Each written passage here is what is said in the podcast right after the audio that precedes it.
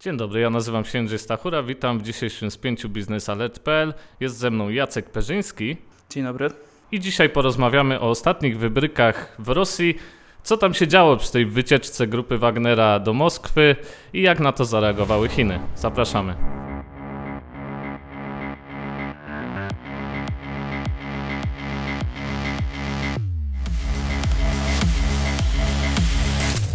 Jacku, od piątku temat grupy Wagnera, która poszła na Moskwę, przewija się w mediach nieustannie.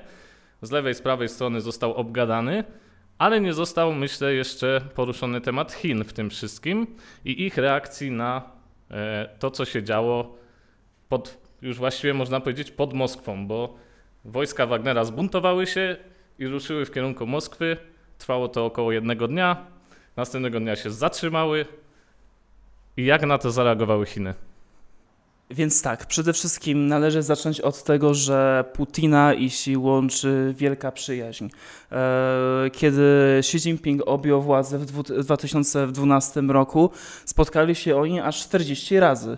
E, więcej niż jak, jacykolwiek inni przywódcy na świecie. Także to jest bardzo duża liczba i może e, znaczyć, że świadczyć o tym, że waga stosunków rosyjsko-chińskich jest bardzo wielka. I można powiedzieć, że już jest zażyłość tam między nimi. Mm, tak, jednak Chiny oczywiście poczyniły wiele, aby umocnić, aby umocnić chińsko-rosyjski sojusz w sensie gospodarczym, militarnym, e, politycznym i również ideologicznym. Jednak mit mocarstwowości państwa rosyjskiego legł w gruzach, jak, do, jak po prostu domek z kart co było oczywiście wstrząs, co wywołało oczywiście wstrząs i niedowierzanie w Pekinie. E, gdyż Rosja cały czas propagandowo chwaliła się przede wszystkim swoimi zdolnościami militarnymi, e, swoim arsenałem nuklearnym, e, możliwościami, gospodarczymi, oczywiście zasobami naturalnymi, ale oczywiście Jewgenij Prigorzyn pokazał, że mit mocarstwowości, siła Putina to, tak, to jest palcem po wodzie pisane. Wiemy, że Rosja i Chiny są podobne, jeśli chodzi o propagandę, mogę to tak ująć, o klimat, który panuje e, wśród obywateli, którzy są, e, że tak powiem, nękani, czy też karmieni różnymi informacjami. I właśnie chciałbym zapytać o te informacje, jak media chińskie komentowały tę sprawę. E, przede wszystkim może zacznę trochę od jak chiński rząd e, e, skomentował tę Było sprawę. oświadczenie rządu. tak, które, które zostało wydane dopiero po tym, jak Prigorzyn zdecydował zaniechać swoich zamiarów.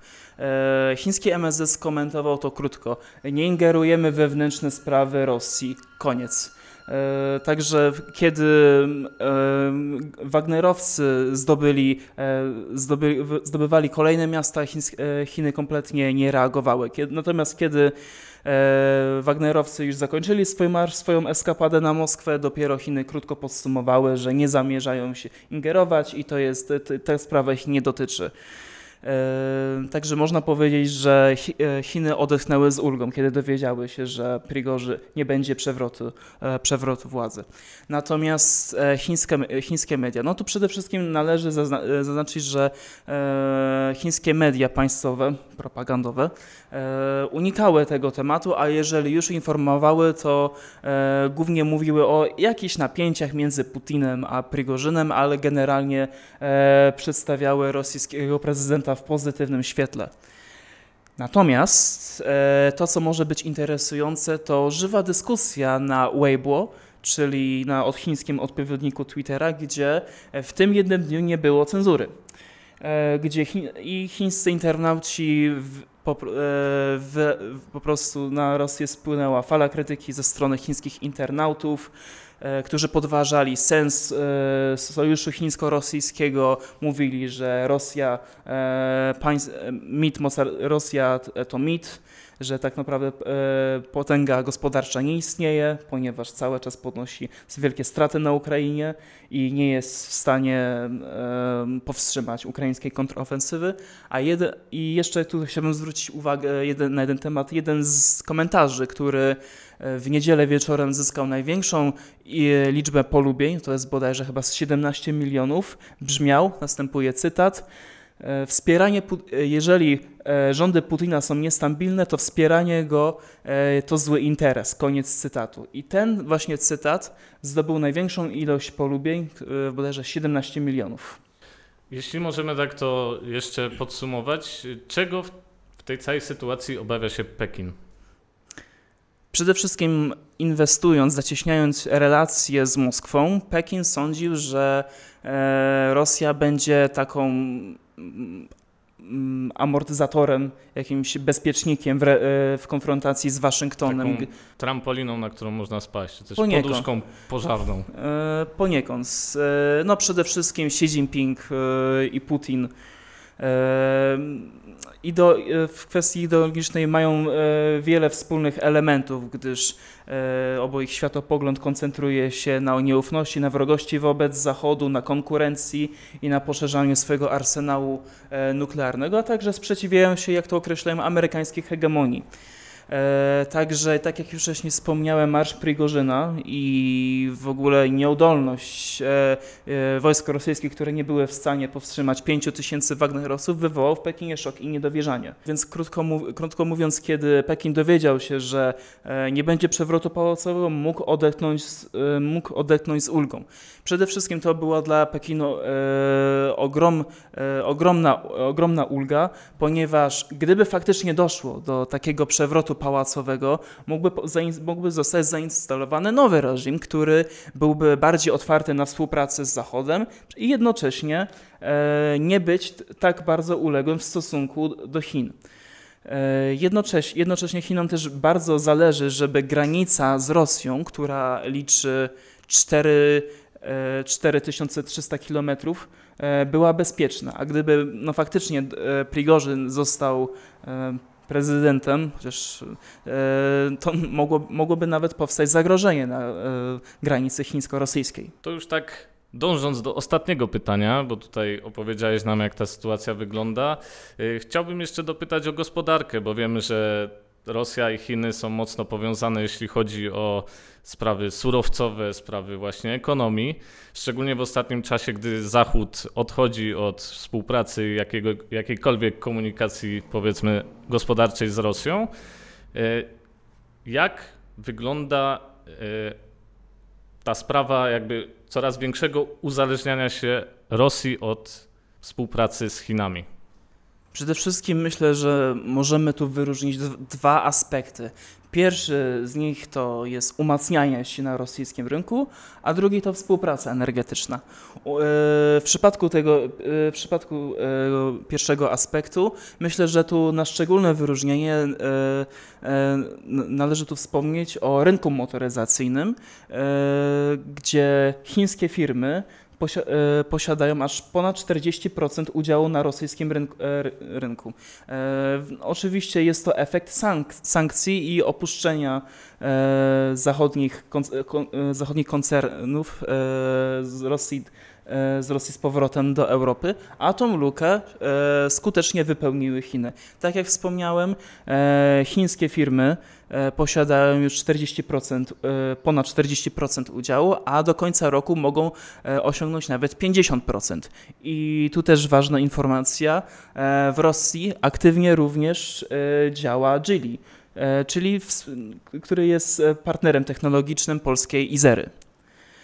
Natomiast, tak jak pytałeś, współpraca energetyczna, no, kiedy Europa podjęła decyzję o rozwodzie E, z rosyjską e, ropą i gazem.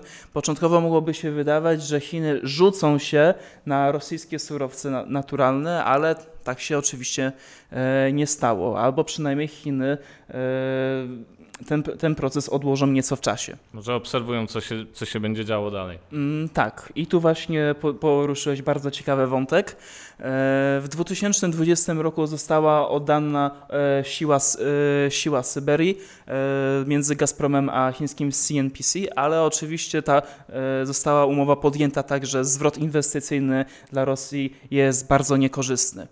E, natomiast e, jest oczywiście projekt Siły Syberii 2. Gazociąg oczywiście nie powstał. E, Chiny go na, Chiny go na razie nie podnoszą tematu. Kazachstan, Kazachstan może być również partnerem. Ale no i oczywiście tu przechodzimy do kolejnego elementu, co jest z pewnym jest wycofaniem się, pewną niechęcią ze strony Chin. Państwo środka na chwilę w zeszłym miesiącu zdecydowało się na zakup gazu, uwaga, z Turkmenistanu i co może być dziwne, który jest, droższy, który jest droższy od rosyjskiego gazu o 30%. Wydaje, wydaje nam się, że rachunek ekonomiczny jest, e, stoi po stronie Rosji, ale tu też należy wspomnieć, że Zachód, przede wszystkim Unia Europejska, bardzo oburza się na współpracę Rosji, e, między Rosją a Chinami, a Chiny oczywiście mając nadzieję na wznowienie albo ewentualną poprawę e, stosunków e, z Europą, zawiesiły, pro, zawiesiły projekt e, chwilowo z gazociągu Siła Syberii 2 i koncentrują się na dostawach z innych krajów, w tym przypadku Turkmenistanu. I tak patrząc jeszcze dalej, szerzej na współpracę gospodarczą, myślę, że Chiny w Rosji już osiągnęły to, co osiągnęły, nie pójdą dalej.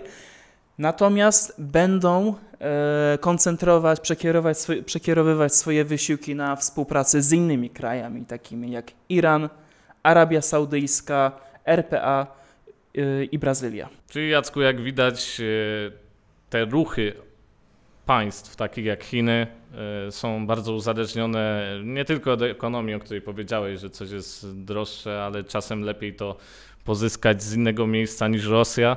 E, ze względów właśnie politycznych czy relacji z Zachodem. E, jakbyśmy mieli podsumować ten odcinek? E, być może co przyniesie przyszłość i jak to według Ciebie będzie?